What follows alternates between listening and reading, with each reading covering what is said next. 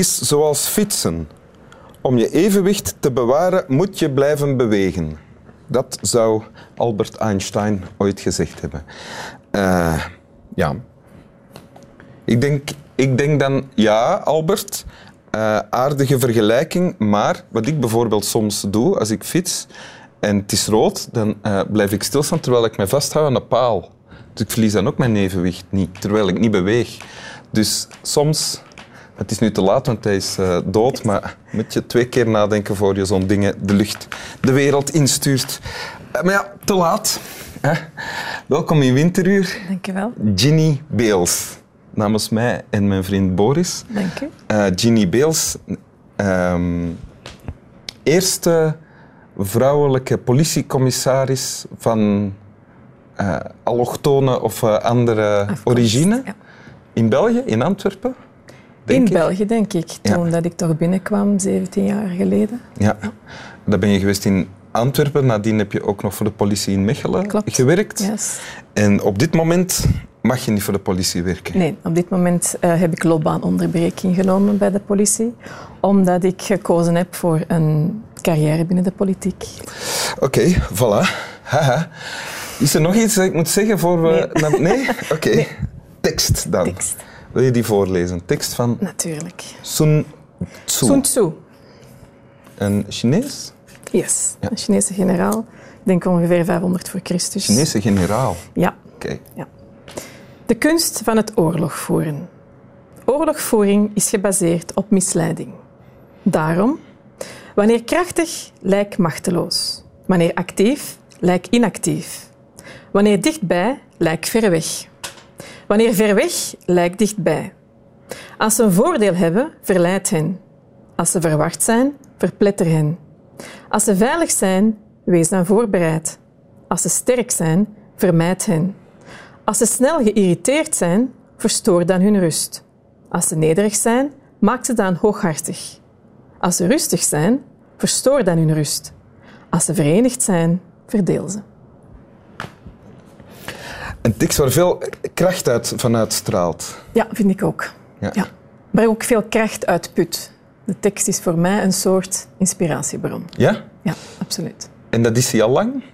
Dat is hij toch al heel lang, sinds uh, dat ik naar de universiteit ben gegaan. Ah ja, want je bent criminoloog. Ik dat heb je gestudeerd voor je bij de politie, voor je een politieopleiding Ja, klopt. Yes. Oké, okay. je, je, zegt een inspiratiebron. Mhm. Hoe dan? Op welke manier? God, het heeft mij geleerd om mij op een bepaalde manier met conflicten om te gaan. En om dat niet altijd als iets negatiefs te beschouwen, zoals heel veel mensen wel doen, vind ik. Hè. Conflicten altijd negatief bekijken, Ja. maar het anders te benaderen. En op zaken voorbereid te zijn. En, en in je achterhoofd eigenlijk te houden van als je soms niet sterk genoeg bent voor bepaalde dingen, probeer dan om slim te zijn. En om op die manier je gelijk te halen of ja, je positie te versterken. Of je doel te bereiken. Of mijn doel te bereiken, Ja. klopt. ja. Want je bent uh, een vrouw, je bent niet heel groot, je Nee. bent ook nog eens bruin. Ja. Uh, en je ging bij de politie werken. Ja. Dus dat, dat, dat zijn nadelen, denk ik. Of niet? Dat wordt gepercipieerd als nadelen, vind ik. Dan is de bedoeling dat je mensen duidelijk maakt dat dat niet nadelen hoeven te zijn. Dat daar ook voordelen aan kunnen verbonden zijn aan het feit dat ik een vrouw ben, dat ik van een andere origine ben, dat ik misschien niet zo groot ben als een ander. Dat je dat altijd kan aanwenden in je voordeel. Want mensen Heb, heb je dat dan moeten doen tijdens je Absoluut. politieopleiding? Ja, ja, ja. Ik weet, er waren met vijf vrouwen in de politieopleiding. Vijf van de? Vijf van de 18. Ja. 15 of 18, want er Mhm. zijn er een tweetal mannen afgevallen. Dus we waren met vijf vrouwen en we begonnen eigenlijk aan een opleiding dat volledig in het kader is van, van, van mannen. Hè. Het was ook fysiek heel zwaar. Dat is Mhm. heel zwaar. Ook mentaal niet gemakkelijk, want ja, als je fysiek het een en het ander moet doen en mentaal was het eigenlijk ook zwaar. Het was, het was vechten voor ons. En nu moet ik zeggen, als vrouw was ik blij dat er nog vier andere vrouwen waren, op wie dat we eigenlijk terug konden vallen. En Want dat jullie steunen elkaar. wij steunen elkaar. Ja. Ja. Ja, ja, Het was geen bitchfight, in tegendeel. We waren echt wel ja, collega's en we waren solidair. En we probeerden gezamenlijk naar een oplossing te zoeken. Hè. Vooral op vlak van de fysiek bijvoorbeeld. Ja, je weet dat je fysiek niet sterker bent dan een mannelijke collega. Ja, dan moet je slimmer zijn. Hè. Dan moet je zien dat je manieren vindt om toch op dat punt te geraken waar dat we allemaal moesten geraken om erdoor te zijn. En dat is gelukt. En dat is gelukt. En, en geef dan, waarover gaat het dan, fysiek? Bijvoorbeeld, we hadden een hindernispiste. Ja? En je moest de hindernispiste Leuk. afleggen in, ik denk, twee minuten en zoveel. Mhm. En dat gaat van hè, op zo'n balk, niet stappen, maar bijna lopen dat je moest doen, tot over een muur geraken, echt een betonnen muur van twee meter hoog. Ja. Ik ben maar een meter 62. Al mijn vrouwelijke collega's toen waren ook niet veel groter dan dat. Voor de mannen was dat een piece of cake. Die gingen er zo over. Wij als vrouw wij hebben er maanden over gedaan om een tactiek uit te dokteren om dan toch over die muur te geraken. En ik kan u zeggen, we zagen bont en blauw. Echt bont en blauw. En ineens, de een na de ander, zijn we over die muur geraakt. En dat was voor ons, ja, victorie natuurlijk. Hè. En is dat dan een ervaring die je eh, sterker maakt en die je meedraagt wanneer je nadien Ja, dan... Absoluut. Want toen hadden we zoiets aan de mannelijke collega's van Zinnen. Wij kunnen het ook. Maar heb je dat dan nadien ook gebruikt, toen je dan uiteindelijk politiecommissaris was? Ja, ja. Zijn er ook situaties geweest die ik in het begin eigenlijk benaderde vanuit het... Ja, ze, ze, ze wijzen dat toe aan vrouwen. hè. Het emotionele standpunt, met emotionele argumenten bijvoorbeeld. En zeggen, als er invallen gebeuren, voor huiszoekingen te doen bijvoorbeeld. Razzia's en- Razzia's ja. bijvoorbeeld. Hè, was altijd mijn argument van, ja, maar laten we dan alsjeblieft ook aan de slachtoffers, alleen de familieleden denken, er zijn kinderen bij, hè, de opvang enzovoort.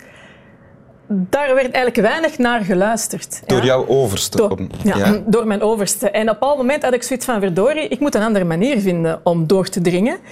Ik moet leren om hun taal te spreken. Hè. Dus in plaats van emotioneel een aantal zaken aan te kaarten, probeer ik het efficiënter in te kleden. En bijvoorbeeld te zeggen van, zie, eh, als we succes willen met de huiszoeking en verder geen klachten willen achteraf van burgers omdat ze misschien verkeerd behandeld zijn geweest, moeten we er toch voor zorgen dat er opvang is voor die familie. Moeten we toch voor zorgen dat we informatie op voorhand hebben van wie is daar aanwezig, eh, wat dat de buurtbewoners zijn enzovoort.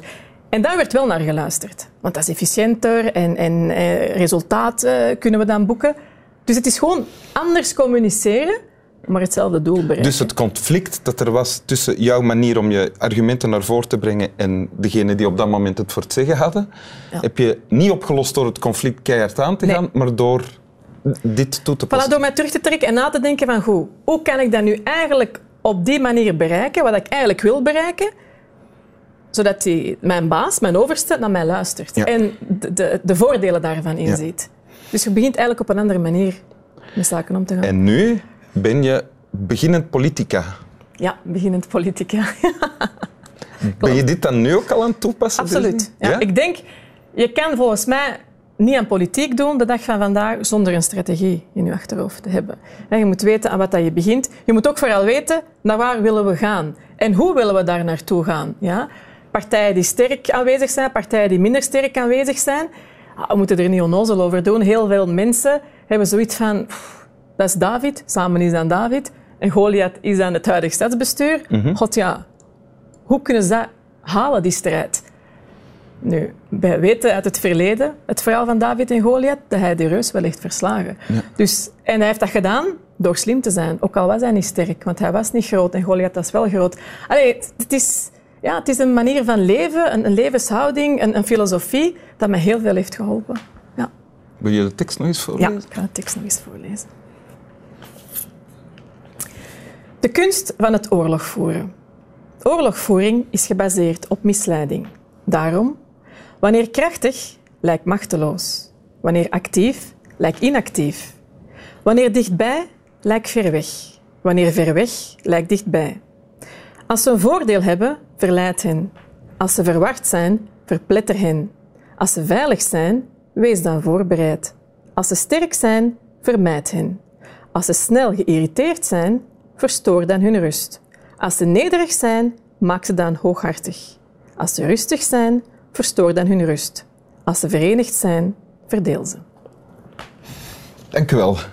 Graag gedaan. Zeg je ook slap wel? Slap wel. Slap wel.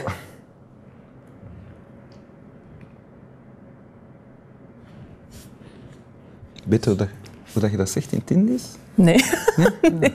Je gaat toch niet vragen dat je in het Indisch Maar je kunt eender wat zeggen nu eigenlijk. Hè? Mensen kennen toch geen Indisch? Nee, dat is waar. Maar er is wel een grote Indische gemeenschap in, eh in Ah ja? Antwerpen. Maar zou je die naar winteruur kijken, denk je? Nou, wie weet. Ik bedoel, Zullen we dat maar niet doen?